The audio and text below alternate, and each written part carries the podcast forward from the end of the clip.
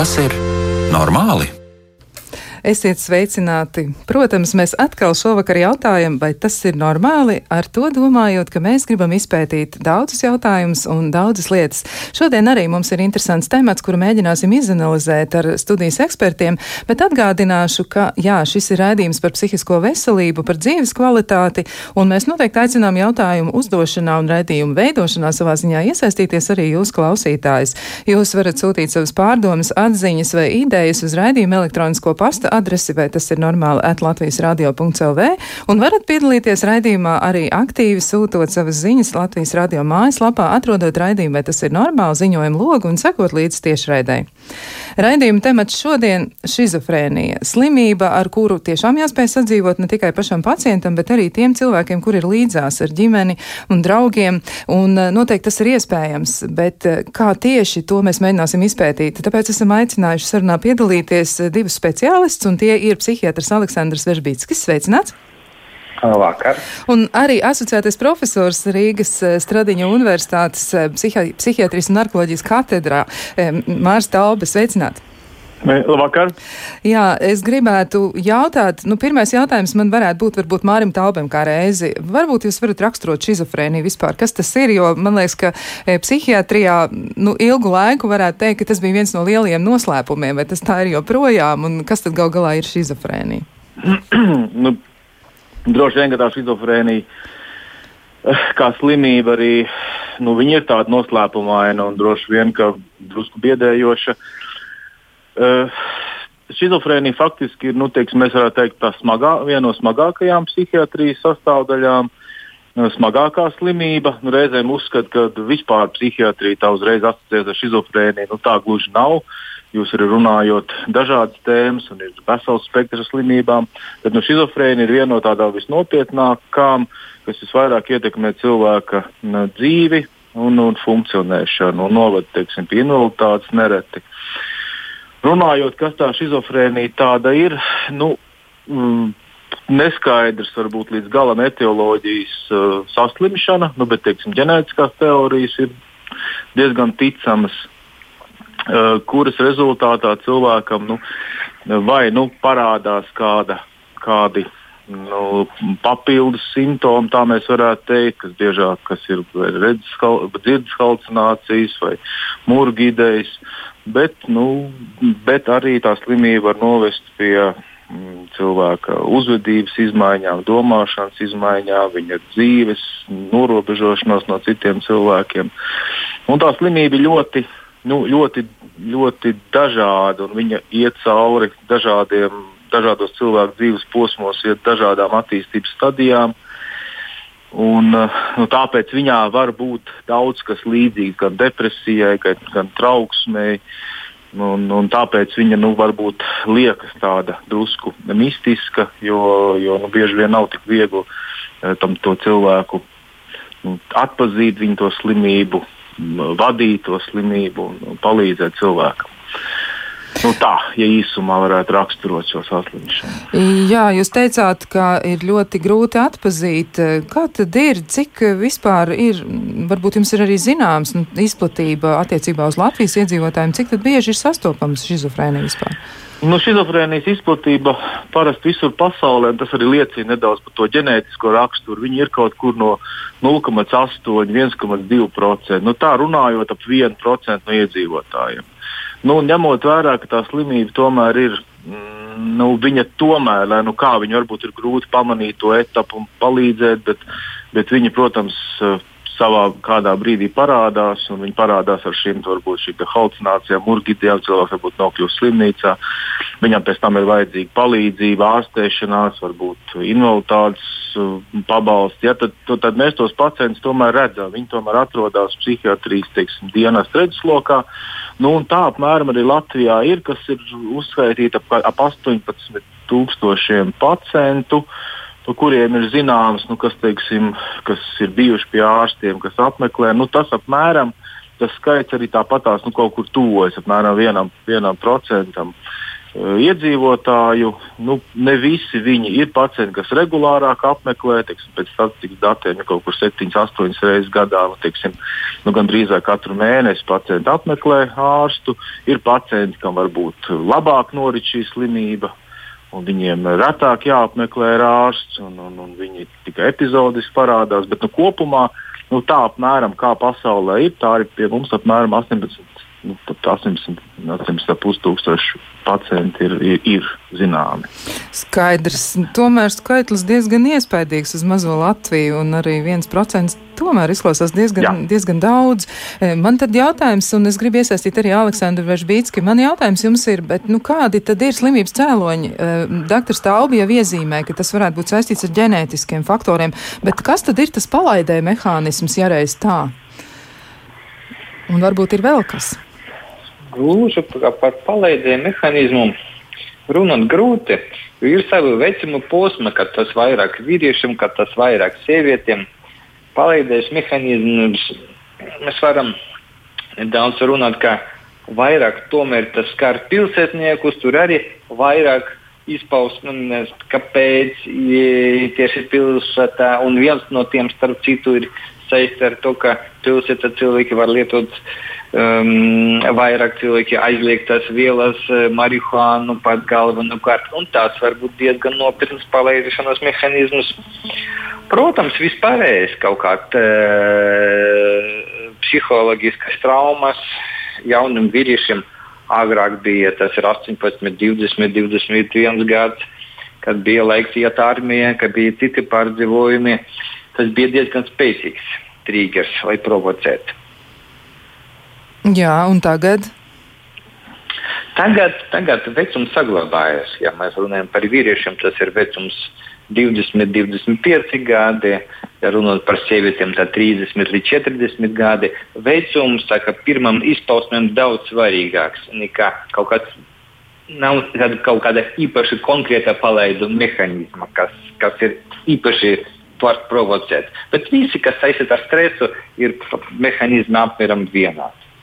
Jā, skaidrs. Nu, tā tad arī kaut kādas psihoaktīvās vielas varētu būt arī līdzdalīgas. Psihoaktīvās vielas, kā viens no viņiem, marihuāna. Jā. Jā. Tad tomēr ir arguments apsvērt ja, par to, kā tad rīkoties ar šo vielu. Un tas ir nopietnas arguments, jā, lai, lai nu, padomātu, vai, vai likuma došanai būtu kādreiz jāmainās vai nē. Izskatās, ka visi psihiatri draudzīgi teikt, ka nē. Laikam, nu, vismaz par šo runājot. Jā, bet man vēl tāds jautājums arī. Nu, jūs tātad teicāt, ka ar vecumu ir liela saistība un tam ir milzīga nozīme. Kāda tad sāks šizofrēnija? Varbūt jūs varat sīkāk paprecizēt, kā tas ir. Um, nu, ko tad tas nozīmē? Vai tad, ja agrāk saslimst, tad tā saslimštība, jeb saslimšana precīzāk eh, attīstās sarežģītāk, grūtāk, vai arī tur ir vēl kaut kādi citi nosacījumi? Kāpēc tas ir tik nozīmīgi? Eh, saslimšanas sākums, jā, no vienas puses agrīna saslimšana var būtiski ietekmēt un pasliktināt slimības gaitu. Bet galvenais moments agrīnais sākums nevis vecumā, bet slimības izpausmēs, cik ātri cilvēks tiks pie speciālistiem, cik viņš tiks pie psihiatra. Šajā uh, mēs uh, kontekstā runājam tieši par psihiatra palīdzību. Un šeit ļoti svarīgi, cik ātri var tikt, tad ir daudz vairāk ir iespējas izārstēt, jo simptomus diezgan būtiski un lielai, diezgan lielai daļai var izārstēt, un cilvēki dzīvo un dzīvo savu dzīvi un dzīvo uh, pietiekoši laimīgu dzīvi, bet arī attiecīgi, ja pietiekoši laicīgi griežas pie speciālista. Tā tad tam ir nozīme. Vēl arī man jautājums, Aleksandra, jums arī būs par to, nu, ir tāds mīts, manuprāt, par bīstamību attiecībā uz šizofrēnijas pacientiem, un laikam daudzi ir redzējuši filmu par slaveno matemātiķu, kur arī nu, viņš redzēja tēlus un nēsošas lietas, proti viņam bija halucinācijas, nu, un tad cilvēkiem ir arī tāds bāžas, ka šizofrēnija e, varētu būt kaut kas, kas ir saistīts ar iespējamo vardarbīgumu. Kā jūs to komentētu? Nu, par bīstamību tīri statistiski. Mēs runājam, ka pacientam ar šizofrēniju viņam nav bīstamīgi nekā citi cilvēki, kas staigā pa ielām. Tīri statistiski nekas nav pierādīts, ka viņi dara kaut ko sliktāku vai viņi iet lielāku agresiju. Un, ja attiecībā par to brīnišķīgu filmu, to brīnišķīgais prāts, par Viņam ir prototypi, tāds Džona Našs, tas ir reāls gadījums, kad cilvēks pašslimo ar šizofrēniju. Man ļoti patīk šī filma, lai parādītu, cik tiešām cilvēks, kā tas skar cilvēku, kā tas skar apkārtējos, kā viņi var ir spējīgi palīdzēt. Un kā cilvēks ir spējīgs pārvarēt šo slimību, un kā var dabūt Nobeļu prēmiju ekonomikā, neskatoties savu saslimšanu. Tas ļoti labs piemērs parādīt, ka cilvēki var stāties pretī un izcīnīt to, ko viņš gribēja izdarīt. Jā, tas ir labs piemērs un arī ļoti iedvesmojošs. Un eh, te es atkal jautāšu doktoram Taubem, kā ir ar šizofrēnijas formām, vai tās eh, var arī atpazīt un vispār kā atpazīt šizofrēniju? Varbūt sāksim ar to drīzāk. Tad mans jautājums varētu būt tāds, kā vispār atpazīt šizofrēniju? Kas par to varētu liecināt? Jā, tas ir, tas ir tāds nu, diezgan plašs plaš jautājums. Uh, Protams, ka mm, tomēr, tā kā pareizi doktors arī atzīmē, tā tomēr ir jaunu cilvēku slimība. Un uh, reti, kad ir tādi teiksim, lielākā vecumā šie pārsinājumi, bet nu, parasti, diemžēl, kaut kāds lūk, šie 18 gadi vai 21, 24 gadi, nereti tas parādās kaut kur pubertātes vecumā. Pubertātē var būt kaut kas, bet vairāk 18, 19 gados. Ja? Un, teiksim, pavisam, nu, tā, tāda, protams, ka var būt kaut kādas jau jau uh, pazīmes arī cilvēka dzīves laikā. Arī bērniem ir iespējama schizofrēnija, bet, protams, bērniem viņi ir grūtāk atpazīt. Piemēram, bērns varbūt nevar tā pastāstīt par saviem. Teiksim, viņš stāsta par kaut kādiem sapņiem, kaut kādām iedomām, un grūti ir saprast, kur tā ir īstenībā. Viņš nevar noformulēt to, teiksim, pateikt vecākiem, ka viņš dzird balsis, piemēram. Ja viņam liekas, ka tas ir kaut kas skan, kur tas skan un kā.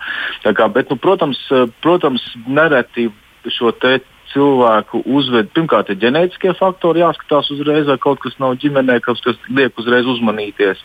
Piemēram, ja ģimenēs ir nu, tas nu, neredzama situācija, teiksim, vīrietim tur konstatē, ka viņam ir schizofrēnija, un tagad sieva saka, nāk un saka, mums tur maz bērniņš mājās, ko man tagad darīt, kā man tas skatīties. Ja? Protams, jāpievērš lielāka uzmanība, jo bieži vien bērni, pieņemsim, ir ļoti talantīgi, viņi spēj visur piedalīties, visu darīt, ja? jo šī tomēr ir Nu, es, es parasti pacientiem saku, ka tā ir faktiski nu, tā tomēr ir tā. Katra lieta ir laba un slikta. Ja, un šī ir drusku tāda, nu, teiksim, tomēr virsvidējā intelekta cilvēku, ģeniāla cilvēka. Es saku, daba kaut ko dod, bet, diemžēl, daba kaut ko atņem, mūsu psihiatru uzdevums ir palīdzēt to, to slikto pārvarēt. Ja? Tā kā tie bērni būs ļoti talantīgi, spējīgi, un te ir svarīgi viņus nepārpūlēt, ja, lai nebūtu.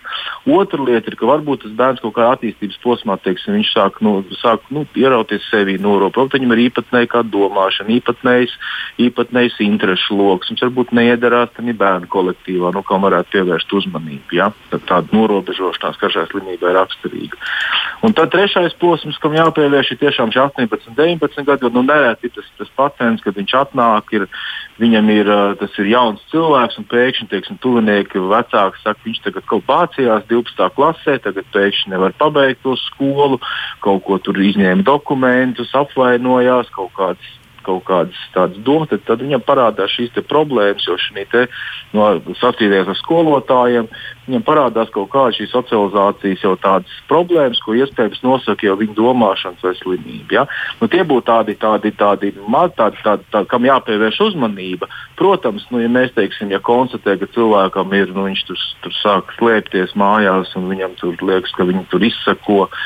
Jā, tur būtu bieži forma paranoidā schizofrēnija, ka liekas, ka izsako vajā, ja, vai viņš tur dzird balsis, kas komentē viņa rīcību. Ja, ja to teiks, viņš pa pasaka un pamana, nu, tad, protams, tas ir akūts stāvoklis un cilvēks nokļūst slimnīcā. Ja, bet nu, no tos sīkumiņus, tos tādus, tādus mazus elementus var mēģināt pamanīt. Tad, protams, ja to jauno cilvēku, tā kā doktors arī kolēģis teica, ja sāk laicīgi ārstēt ar ieteiksim, mūsdienīgām medikamentiem, mūsdienīgi teiksim, psihoterapeitiski pieeja arī atbalstoši visām mākslu terapijām un tā tālāk. Nu, tad, protams, tad, protams tas, tas, varbūt tas process būs nu, labāks, audzīgāks un bez tādiem akūtām. Jo katra tā akūtā psihoze ir nu, ļoti slikta. Ja? Un, ja jūs jautājat par norisēm, tad jā, tad norises faktiski nu, ir dažādas formas. Varbūt teiksim, šī te paranoīdā biežākā, kad cilvēkam liekas, ka viņš tur izsako, vajā, novēro, ja viņš tur aizsargājas, vai viņš slēpjas. Ja. Biežāk viņš tur slēpjas, izvairās, ja viņš nav agresīvs. Protams, varbūt arī citas formas, varbūt pat tāda nu, varbūt pavisam smagas arī tur hebefrēna, šizofrēnijas, pavisam dīvaina uzvedība. Varbūt arī tāpat tāda pseidoneirotiska, ja, it kā atgādina neiros, cilvēkam liekas, ka viņam tur kas sāp vai viņam ir kaut kādas trauksmes sajūtas. Ja, bet saliekot kopā visu šo kopainu, izrādās, ka ir arī šie šizofrēnijas simptomi. Ja. Nu, un, un slimība var iet labi, un var iet sliktāk. Ja? Protams, ir labas situācijas, ir brīnišķīgi pacienti, kas teiksim, lieto medikamentu, un strādā un dzīvo, un viss ir labi. Bet, nu, diemžēl, ir pacienti, kuriem nu, kur zāles grūti iet nelīdz, un, un, un slimība progresē. Ja? Tā, kā, nu, tā nav tāda nolemtība. Un, un to arī vienmēr cilvēkiem saka, ka no vienas puses jums ir dots kāds talants, bet nu, mums tagad ir jācīnās ar tām negatīvajām lietām, lai jūs nestu nu, brīnišķīgs, varbūt atklājums, mākslas darbs, brīnišķīgs pienesums sabiedrībai. Jā, ir arī tāds izteiciens, ka šizofrēna ir ģēnijas slimība. Kaut kas. Nu, tas ir tas, kas, jā, protams, ka teiksim, nu, grūti pateikt, vai teiksim, mēs, tā, nu, mēs tā gribētu tādu ģēnijas slimību. Ja, bet no otras puses, protams, ka nu, tam cilvēkam to, tomēr, tomēr nu, tas ir kaut kāds cilvēks, teiksim, brīdī, kad jūs ar to jauno cilvēku runājat, jūs esat sapratuši to diagnozi, viss ir nu, skaidrs, jūs viņam stāstat arī arī, arī viņam nu, jāinfestāsta par šo diagnozi slimību. Protams, ka tas vārds uzreiz ir stigmatizēts un šausminošs. Ja, un, un to, protams, mūsu gan deputāti, gan vispārējie viens otru apsaukājot par šizofrēniskām domām un šizofrēniskām lietām. Ja.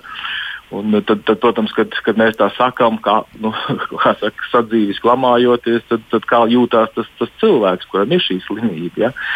Bet, protams, ka tam cilvēkam mēģina kaut kā iedvesmot un teikt, ka, nu, jā, bet jūs redzat, jums tas bija, jūs talantīgi, jūs tur mācījāties, tur labā skolā, jums tur ir nu, nu, laba izglītība, jūs tur varējāt, jūs esat cik tādas ģeniālas lietas, tur programmētājs izcils esat. Ja? Un jūs varat strādāt, bet, bet mums lūk, ir, ir jāsakārto, jāmēģina tā abiem tikt galā ar šīm te, nu, negatīvajām slimības uh, sekām. Ja? Jā, nu, mums ir arī viena vien klausītāja uzrakstījis diezgan detalizētu un pamatīgu vēstuli. Viņai ir arī sava pieredze par šizofrēniju. Viņa uh mhm. -huh. tiešām ir kontaktā pati ar, ar saviem bērniem un mēģina saprast, kā tad rīkoties kādā situācijā. Un viņas atziņums ir tāds, ka viņa ir sapratusi, ka katrs cilvēks ar šo slimību ir atšķirīgs un viņai šķiet, ka nav divu vienādu gadījumu. Un viņa arī atzīmē, ka viņa zina piecus gadījumus ar jauniešiem, nemaz neskaitot savus bērnus, ja, kuram katram ir absolūti citādāks izpausmes un arī medikamenti, kas uh, tiek lietoti, kas ir nu, psihiatrisko nozīmēs, ir pilnīgi atšķirīgas kombinācijas. Un uh, viņi saka, jā, ka ir arī dažāda veida problēmas, kas ar to ir saistīts, un te lūk ir arī viņas jautājums, viens no viņas jautājumiem, vai medikamentiem ir arī kādas nelāgas blaknes, jo viņi saka, ka e, viņas jaunieši ir pieņēmušies svarā būtiski, vai tā varētu būt, ka medikamentiem ir arī tādi, nu, tādas blakus parādības. Jā, nu, protams, protams ka pirmkārt medicīnā nu, viss ir tomēr daudz maz individuāli. Nu, protams, es nezinu, tur piemēram var varbūt tās helikobaktērijas iznīdēt ar noteiktām trīs schēmām zāļu, tur izdarot noteikti devus. Bet nu, psihiatrijā katrs pacients ir unikāls. Ja mēs varam dažādas vadlīnijas un teorijas, bet katru dienu kaut kas jauns tiek meklēts, un ar katru pacientu ārsts strādā individuāli. Un, protams, ka piemeklē tieši viņam nu, derīgākās zāles, tieši derīgāko viņam attieksmi. Runājot par zālēm, protams, ir noticis nu, milzīgs progress teiksim, kopš 90. gadiem un, un, un, un arī turpinās jau šobrīd medikamentu ziņā. Ja? Un zāles paliek labākas, labākas, ar mazāk blakus parādībām un, un, un lielāka izvēle. Ja?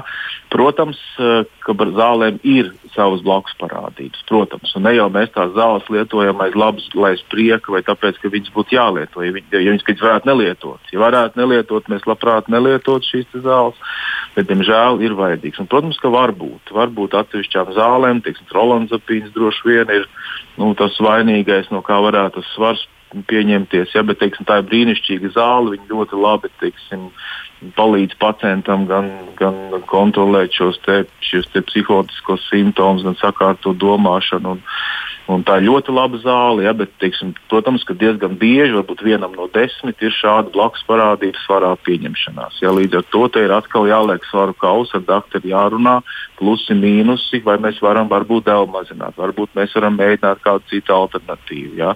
Varbūt mēs varam mēģināt tāpat tās diētas, fiziskās aktivitātes, ko, nu, ko mēs varam darīt. Ja. Protams, zālēm ir blakus parādības, nenoliedzami, bet viņas nav visiem Viņas varbūt kādam ir, kādam nav, ar viņām var cīnīties, var, var mainīt, ir atkarīgs no devām. Tā ir tiešām individuāla nu, saruna ar doktoriem, un mūsu Latvijā doktori attiecībā uz medikamentiem ir nu, zinoši un, un, un, un, un psihiatri. Te, nu, kurā nu jomā, tad nu, tiešām medikamentu ziņā nu, mēs esam diezgan, nu, es varu teikt, ka diezgan gudri doktori. Tā kā noteikti ar savu doktorīti ir jāaprunājas un vienkārši Tāpēc ir tās vizītes, lai viņam uzreiz teiktu, jā, es tādā laika posmā tik kilogramu nākuši klāt, ko mēs varam darīt, kādas analīzes, par ko mums jāuztraucās. Jā.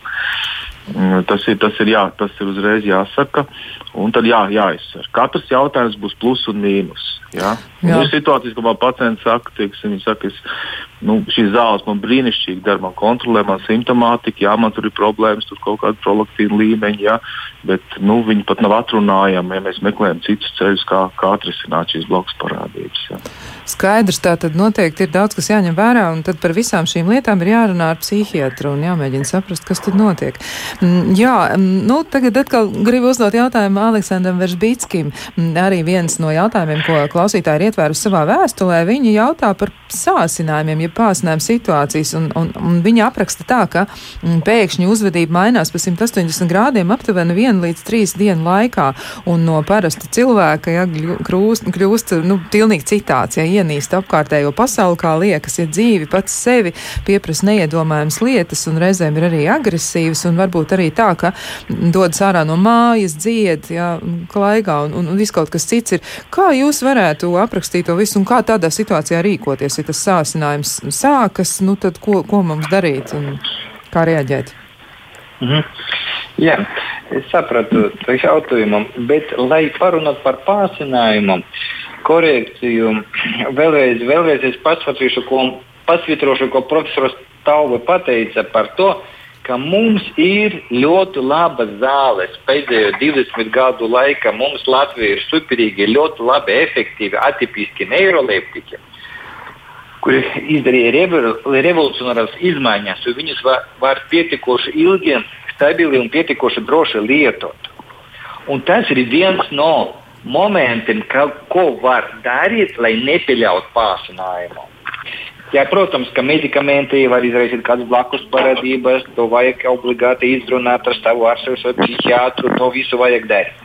To vajag darīt nekavējoties, kad tā parādīs lieta. Bet, principā, lietojot antipsihotikas līdzekļu, pārsinājumu biežums ir daudz, daudz, daudz mazāk nekā viņus nelietot. Ja viņi lietot uh, efektīvas devas. Un mums ir ļoti daudz. Latvijā mums ļoti zinoši psihiatri, kuri ļoti ilgstoši jau strādājuši ar šīm atipiskiem neiroleptikiem, un viņus nozīmējuši, viņi zina, kādas ir efektīvas devas, kā nozīmēt, ko mainīt un kādas gadījumas, kādas blakus parādības, ko, ko korrigēt. Ja otrais ir pārsinājums. Jā, pārsinājumi mēs it kā mēs lietojam, lai viņas nebūtu, bet mēs pat arī lietojot zāles, mēs nevaram simtprocentīgi garantēt, ka, zāle, ka nebūs pārsinājumu. Pārsinājumu laika, jā, jākomunicē uzreiz ar to doktoru, kas ārstē. Ja pat arī ja vizīte ir paredzēta pirms dažām nedēļām, vienalga vajag ātrāk. Ja tā doktora, kas veic to ārstēšanu, obligāti sazināties, parunāt, ja ir iespēja atnākt uz vizīti, ja nav iespējams pacientam atnākt bez pacienta, atnākt uz vizīti. Psihiatrija ir, ir ļoti laba lieta, ir konsultācija par trešo personu. Ja kādam radinieks slimo, tuvākais radinieks slimo ar kādu psihisku traucījumu, ar schizofrēniju, tad kāds cits radinieks var atnākt, pastāstīt par situāciju Un to cilvēki diezgan bieži izmanto un pareizi izmanto, un tad psihiatram daudz vairāk informācijas par šo situāciju. Jāsaka, ka psihiatrs par, par pacientu nevienam neko nepastāstīs, bet informāciju no apkārtējiem uzņems visu, visu uzņems un visu ņems vērā, lai ārstētu. Un tad kopā ar psihiatru jāizrunā, kā ārstēt šo konkrētu pārsnēmu, ko var mainīt. Reizēm citi psihiatri dara to pa telefonu, ļoti labi zinot to pacientu. Citiem vajag personīgi atnākt viņu, ko, ko, viņu to koriģē. Tagad ir ļoti lielas iespējas veselībai, mēs varam izrakstīt zāles un cilvēks var izņemt aptiekā. Ir ļoti daudz iespējams rīkoties attiecīgi šajā pārcinājumā. Tātad labāk būtu nepieļaut, bet, ja gadījumā tas ir noticis, tad var izmantot arī šo mm, iespēju konsultēties par trešo personu, tātad par to cilvēku, kuram ir pārsnēms novērots, un tad tas varētu būt radinieks, ja, kurš dodas pie psihiatra. Ja cilvēks negrib atnākt, pieņemsim, vai viņš nevar atnākt, tad trešo personu vai kopā ar pacientu atnākt. Un vēl e, jāpasaka, mums ir stacionāri stacionāri mums speciāli, lai ārstētu, lai ārstētu šo pārsinājumu. Viņi nav domāti ilgstošai uzturēšanai un ilgstošai. Viņi novērš pārsinājumu, tas ir slimnīcas. Mēs ārstējam tur un novēršam un sniedzam palīdzību tad, kad tas ir vajadzīgs, tad ir akuts nākotnes. Agrāk stacionārs var būt tik, un tagad citi uztver, ka nu, psihiatriskais stacionārs tas kaut kā slīgs, bet pēc būtības tā ir tāda pati slimnīca. Viņi ir diezgan specializēti, viņi ir diezgan zinoši doktori, tur var sniegt akutu palīdzību. Tur ievēro visas likumdošanas, visu kaut ko, nekādas pārkāpumus nenotiek. Un cilvēks var diezgan droši arī griezties. Ja, saka, ja sakarā pārsinājumu, ja viņš redz, ka situācija ir tik slikta, droši griezties un diezgan daudz Latvijas stacionārus turpat taisnu un tur saņem palīdzību, vai tas var būt arī konsultatīva palīdzība, vai tur var būt stacionāra palīdzība. Tas ir viss iespējams. Nevajag domāt, ka tas kaut kā slikts. Tas ir slimnīca, labi specializēta, kvalitatīva slimnīca. Jā, skaidrs. Tā tad arī to iespēju mēs izmantojam. Jā, par šizofrēniju vēl mums būs daudz jautājumu, bet par tiem mēs turpināsim runāt pēc ļoti īsa brīža.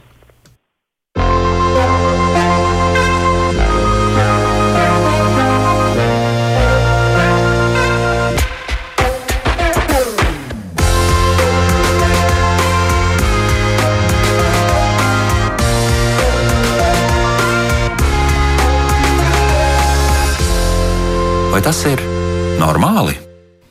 Jā, turpinām sarunu par šizofrēniju, par psihiatrijas lielo noslēpumu, kurš joprojām ir daļēji atminēts, bet izskatās, ka rezultāti atminēšanai ir aizvien labāki. Ir lieliski medikamenti un ir arī ļoti izstrādāts palīdzības algoritms, ja tā var to apzīmēt. Esam aicinājuši sarunā piedalīties divus psihiatrus, un tie ir Aleksandrs Veržbītskis un Māris Taube, bet vēl pirms mēs turpinām sarunu par šizofrēniju, gribu atgādināt, ka raidījuma laikā mēs atbildām uz jūsu jautājumiem, un jūs tos varat iesūtīt mūsu e-pastā, vai tas ir normāli, at Latvijas radio radio.lv.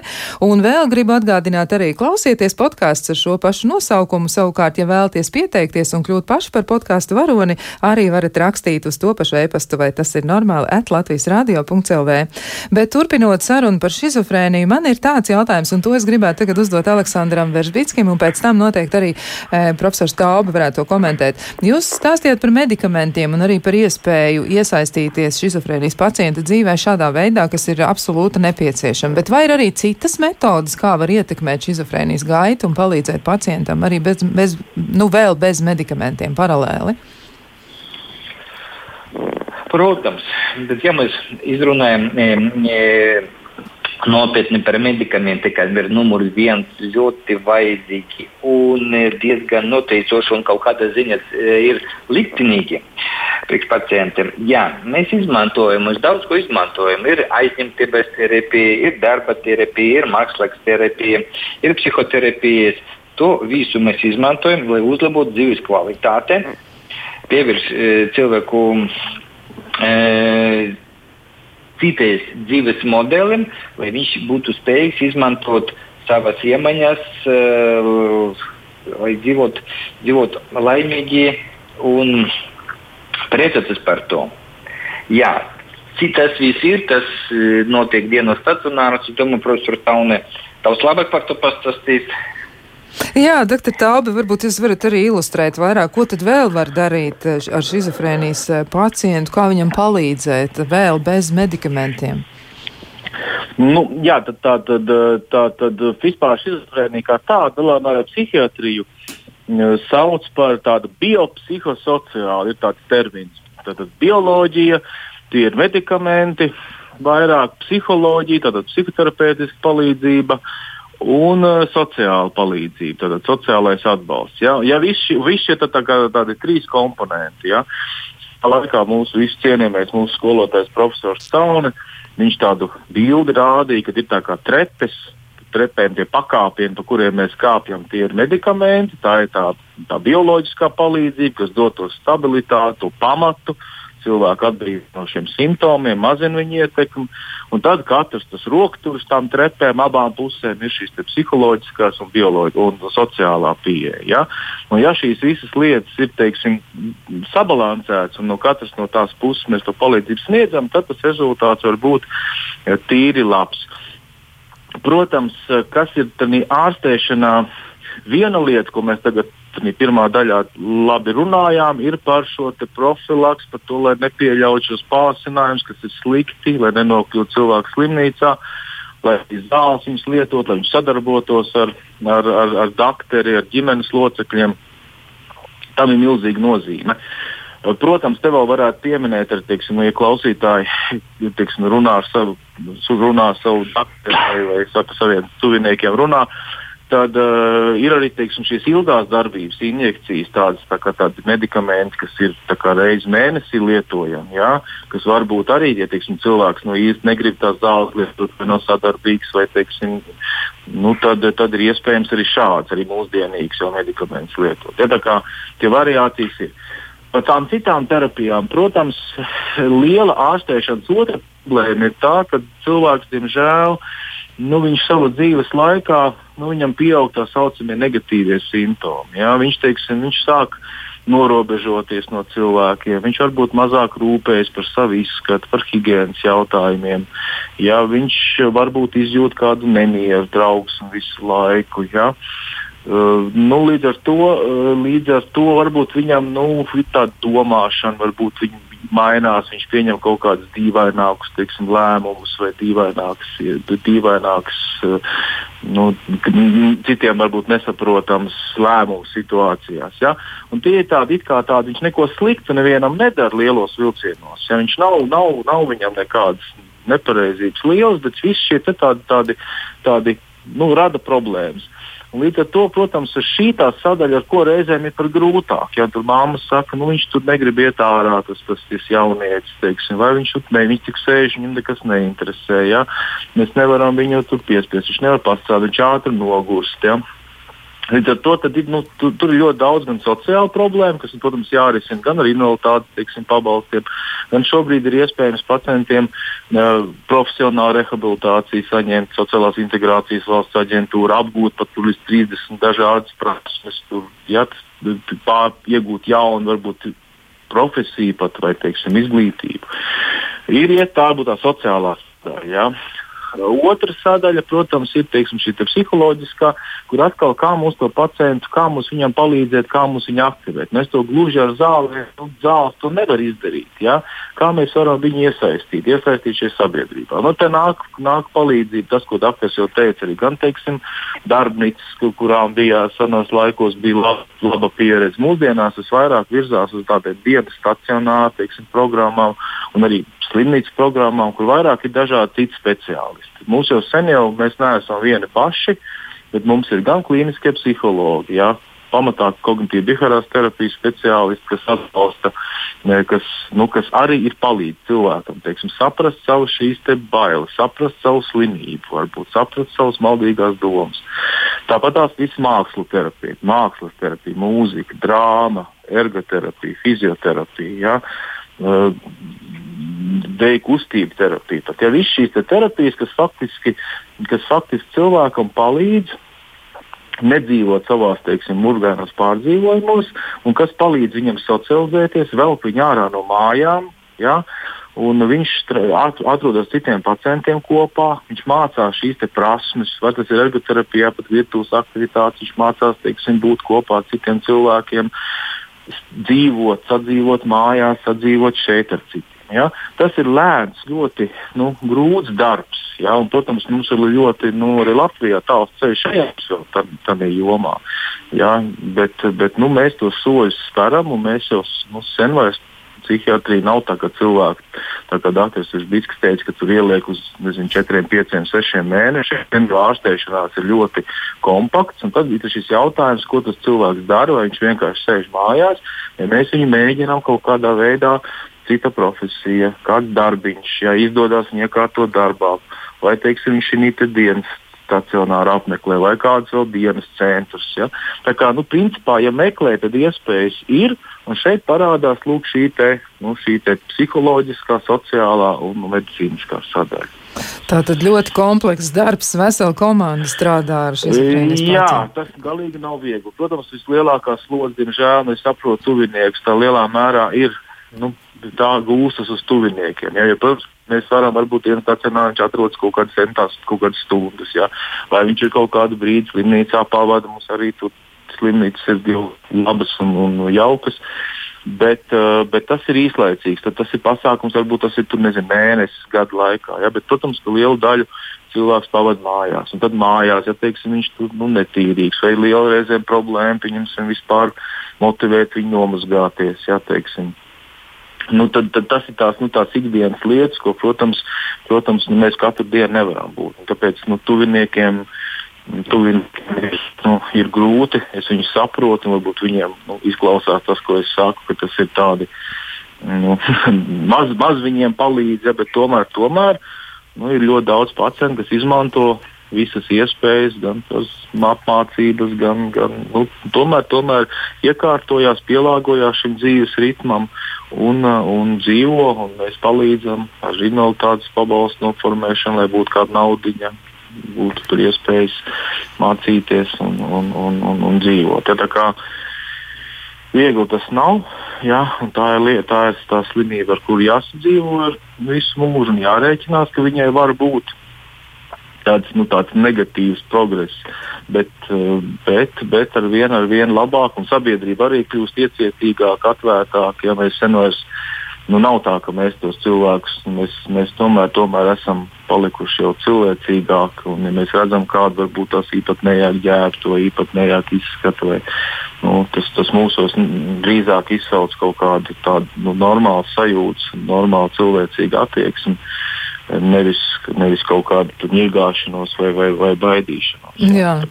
Mēs fiksējam, ka cilvēks atšķiras un mēģinam izdomāt, kāpēc tas tā ir. Jā, jautājums.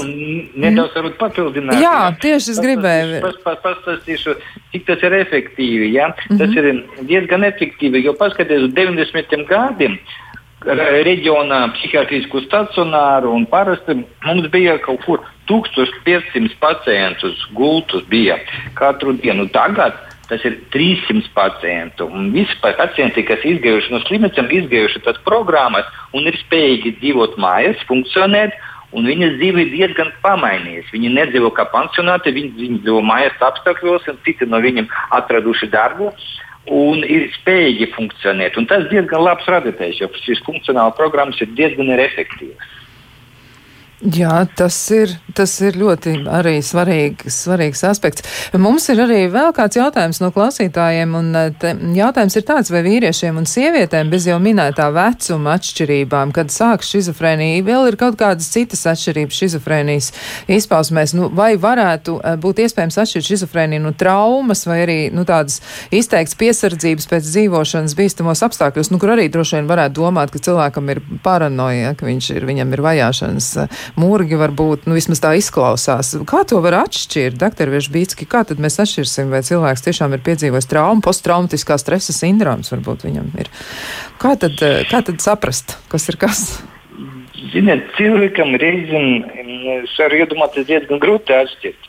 Eh, ka viņš slikti jūtas. Varbūt saprot, ka viņš slikti jūtas, ka viņam bija trauma, viņam ir zināmi traucījumi, viņam ir zināmi flashbacki iespējams, viņš par to domā. Uh, Jā, un tur ir vajadzīgs speciālists. Jo ir specifiski simptomi, kas parādās pieņemsim pēctraumatiskam sindromam, ir specifiski, kas parādās šizofrēnijas gadījumā. To var daudz labāk pamanīt e, psihiātrs, pamanīs no malas, pamanīs sarunas veida. Un es domāju, to pamanīs, to diagnostiku var uztaisīt pietiekoši ātri un efektīvi. Bet, e, ja cilvēks uztraucas, tad ir labāk aiziet uz konsultāciju pie psihiatra.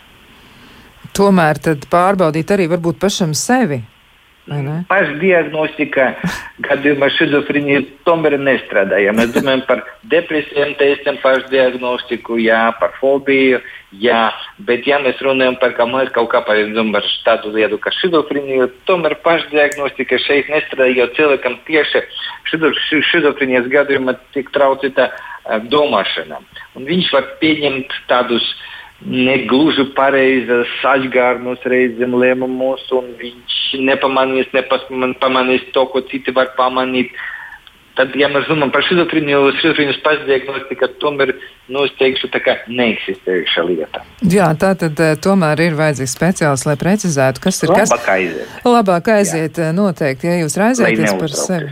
Jā, lai lieki neuztrauktos, droši vien Jā. ātrāks atbildes saņemšana varētu arī mazināt spriedzi, un tad jau var arī labāk saprast, ko darīt. Bet man jautājums eh, vēl būs Aleksandram Veržbītskim, vai ir tā, un, un kā vispār ir, vai cilvēki ar šizofrēniju, nu, ja reiz ir domāšana, domāšanas izmaiņas, vai viņi spēja apzināties līdz galam savu slimību un kā viņi pret to izturas, kas ir jūsu novērojums. Un vēl otrs jautājums pēc tam, bet labi, to es uzdošu pēc tam. kā ir ar apzināšanos? Pat cik šizofrēnija, kā slimība, ir ļoti, ļoti plaša, protams, ir daļa, kas var apzināties, ir daļa, kas nevar apzināties. Nu, te grūti saprast, kā labāk, kā sliktāk. Protams, ja cilvēks apzinās, viņš spējīgs saprast, viņš spējīgs pieņemt pareizi lēmumu, viņš ir spējīgs saņemt pareizi ārstēšanu, bet viņš zināmā mērā arī cieš no tā. Bet tomēr, kad viņš apzinās, viņš ir kritisks, e, ir tāda forma, agrāk bija periodiska šizofrēnija. Diezgan um, tāda labdabīga forma, periodiski ir periods, kad ir pārsinājums, un pēc tam cilvēks ir pilnīgi adekvāts, mierīgs, viņam nav nekādi traucējumi, viņš pilnīgi apzinās, kas ar viņu bija, un viņš apzinās, un viņš ir saprat, ko vajag darīt, lai to nepieļautu. Viņš eh, dara to, un um, tas diezgan labs palīdzējušies. Bet, moments, bet pateikt, ka visi apzinās, nevaram teikt. Tāpēc, ka traucē tas tieši domāšana, e, citiem traucē kritika, un e, ne visiem var apzināties to lietu. Tieši savu, savu psihiskā stāvokļa dēļ. Tātad tas varētu arī dažas lietas sarežģīt, vai tas varētu atstāt iespēju arī uz medikamentu lietošanu? Un šis ir mans otrais jautājums. Uh, Vai tā varētu Jā, būt? protams, kas iespēja, jo vairāk ir kritikas, vairāk mēs saprotam, ko vajag darīt. Mēs varam lietot e, regulārāk zāles, un e, potenciāli rezultāti ir labāki. Ja tomēr kritika nav tik spējīga un cilvēks neregulāri lieto zāle, zāles, jā, tad ir profesors Taube pieminēja, ka ir tāda depo injekcijas un tie, kas neregulāri lieto, tas ir viens no lietām, labiem risinājumiem, ka cilvēks reizi mēnesī vai reizi divas nedēļas saņem depo injekciju, un viņam nevajag katru dienu atgādināt sev. Pieņem, paņem tableti, un tas diezgan efektīvi medikamenti. Viņi ar vien labāki un labāki, efektīvāki un efektīvāki parādās mūsu rīcībā. Un, jā, tas ir risinājums. Protams, ka medikamenti ir ļoti svarīgs posms un ļoti svarīgs moments, no kā atkarīga cilvēka nākotne. Tas ir likteņi. Tas ir liktenīgi, jā, tāds spēcīgs vārds, bet laikam īsti iedrīgs. Doktor Taube, man tagad gribētu jautāt jums, kā ir ar attiecībām un attiecību veidošanu, jo pacients, kaut arī viņam ir šizofrēnija, tomēr grib iekļauties dzīvē, un kā, kā rēģēt citiem cilvēkiem, kā palīdzēt, eh, lai tas izdotos, un kāda ir jūsu novērojuma šajā saistībā? Protams, Protams, nu, tas arī ir diezgan liels un sarežģīts jautājums. Protams, ka, protams, ka cilvēks uh, grib veidot attiecības, nu, nevienmēr, tas, nevienmēr tas tik labi izdodas. Ja? Kādreiz tas nu, nav, tik, nav tik viegli. Ir, protams, ģimenes, teiksim, kad cilvēki ir kopā, bet teiksim, sākoties šai slimībai, attīstoties, tās ģimenes izjūga, piemēram. Ir, uh, Nu, tas, tas, protams, nav nevienam nav liekts. Un, protams, teiksim, arī mūsdienās mēs kā psihiatri esam atbalstoši. Jā, ir šīs sarunas. Ne, mēs runājam teiksim, par tādu ģimenes modeli, piemēram, par vienu aspektu. Jā. Tad, protams, ir, ir sarunas, protams, tas ir, tas ir mūsu teiksim, ir bērniņi, piemēram, ģimene, teiksim, cilvēkam ir zināma šī diagnoze. Mēs izrunājam arī ar viņu otro pusīti. Jā, tas ir lēmums, mēs saprotam, tā ir slimība, mēs strādājam, ārstējamies, mēs zinām, kādas perspektīvas ir, kādi riski. Jā, bet tas, tas nebūtu nav, nav tāds nu, kaut kāds noraidījums vai kaut kāds ir, ir labi, labi bērniņi piedzimst un viss ir, laimīgi. Jā. Kā, nu, mūsdienās arī tas ir, tas ir savādāk, arī pats zālē, terapijai, attieksmē sabiedrības pret šiem, šo slimību. Uh, sabiedrībā, protams, nu, joprojām valda tādi daudz aizspriedumi. Tas ir nu, tiešām simtu gadu lielas problēmas, un, un visu vēsturē ir atstājis ļoti smagas sekas. Ja gan teiksim, tāpat otrā pasaules karā fašisma režīms šos cilvēkus uzskatīja par nederīgiem un, un iznīcināja. Mums ir skumjas pieredzes slimnīcām. Dr. Bits strādā slimnīcā, kur, kur blakus ir kapsēta, kur, kur pacienti tika iznīcināti. Un tas viss ir palicis, tas ir tāds, tāda aizspieduma, tāda iztumšana ir bijusi ilgstoša, un to nevar vienā dienā novērst. Ja? Bet, protams, mēs varam nu, katrs nedaudz ņemt vērā to, ka tie cilvēki nav tik, nav tik bīstami. Varbūt tie cilvēki, cilvēki ir interesanti, jauki, reizēm arī harizmātiski. Ja reizēm nu, tad, tad mēs varam, protams, pārvarēt sevi, tuvoties šiem cilvēkiem, attiekties, attiekties ja mēs zinām vai nezinām. Mēs, mēs, mēs tāpat kā attiecamies pret kaut kādām nu, īpatnībām, kas mums visiem ir. Ja, nu, Tāpatās mēs varam arī ar to sadzīvot, tomēr, tomēr nu, galvenais nebaidīties. Nu, galvenais vienkārši normāla labestība, ka mēs pieņemam nedaudz varbūt savādāk, ekscentriskāk, varbūt savā domāšanā, uzvedībā savādāku cilvēku, kurš tiecās pēc, pēc mums. Jā, lielākoties, protams, pacienti ļoti nu, lab, labestīgi, viņi pieķerās, un, un teiksim, arī doktoriem viņi pieķerās, un, un, un, un ļoti pozitīvi un, un nāk, pie, nāk pie ārsta. Un, ja mums izdodas izveidot šo saikni, tad, tad, tad tas var veidoties ļoti labi un apusēji. Nu, jā, tā, kā, tā kā es domāju, to vārdu, protams, ir, ir nu, daudz jāstrādā. Ir teiksim, valsts, piemēram, Nīderlandē viņiem pacientu organizācijas, tiksim, cilvēki, kas pārcietuši psihozes, piemēram, viņi iet uz skolām, ja viņus aicina uz skolām, pat mazās klasītēs, tiksim, cilvēks stāsta par šo savu pieredzi, ja, ka tā var būt, ka cilvēks var būt, viņš var dzirdēt balsis vai redzēt kādas mājas, un pat nonākt slimnīcā un pat tikt, tur, nezinu, piesiets pie gultas, ja, bet tas, ne, tas, tas, tas vienkārši viņš tam ir izgājis cauri, tāpat kā cilvēks, kuram varbūt ir kāda fiziska invaliditāte, un pēc tam jau viņš dzīvo savu dzīvi tālāk, ja, un ir tāds pats kā pārējie. Tad mazina šos aizspriedumus, lai pēc tam tie bērni izaugot, jo viņiem nebūtu tāds, nu, teiksim, nebūtu smiešanās vai iegāšanās vai, vai iztumšana ja, no, no, no sabiedrības. Ja, nu, tur mums ir jāmainās, bet es tikai vienkārši, nu, ja cilvēki būs labi, vienkārši labestīgi pret jebkuru cilvēku, kur mēs redzam, kas ir savādāks, kas varbūt mums liekas nu, nepatīkams vai nezinu, netīrāks. Vai, ja mēs izturēsimies vienkārši cilvēcīgi, tad jau nu, viss būs labi. Tas lēnām notiek. Ja? Jaunā paudze cilvēki, cilvēki mainās, braukā pārzinēm, redz, kā tur notiek, redz daudz vairāk, varbūt pat uz ielām šos cilvēkus, varbūt dodas kaut kādu dienas centru, mācību iestādi, ja? kur nav kaut kur paslēpti, paslēpušies slimnīcās vai mājās. Ja? Tā kā, nu, tāpat mēs arī mainamies, bet tas ir diezgan, diezgan garš ceļš. Bet bet ģimenes tiek veidotas, attiecības radās un, un, un, un bērniņi dzimst. Un, un, un, un cilvēki ir bieži vien tiešām talantīgi. Un, un, un, un, un, un noteikti, noteikti ka nu, katrai lietai, arī slimībai, katrai nu, ir, ir, ir sava vieta. Un, un to mēs nevaram izvēlēties. Un, Jā, un. Ir kaut kāda jēga katram, teiksim, tā arī kaut, kam, kaut kas pozitīvs katrā negatīvā lietā. Jā, un dzīve, dzīve notiek.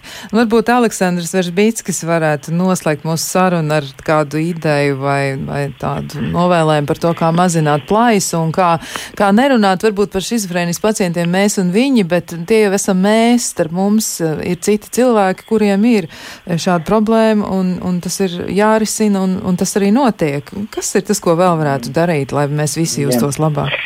Jā, redziet, jā, mēs daudz, daudz, daudz sīkāk izrunājam, cik ir nopietna, schizofrēnija ir nopietna slimība, bet mums ir daudz nopietnās slimībās. Jā, cilvēki vienmēr slimo ar kādām slimībām, un viena no tā ir schizofrēnija.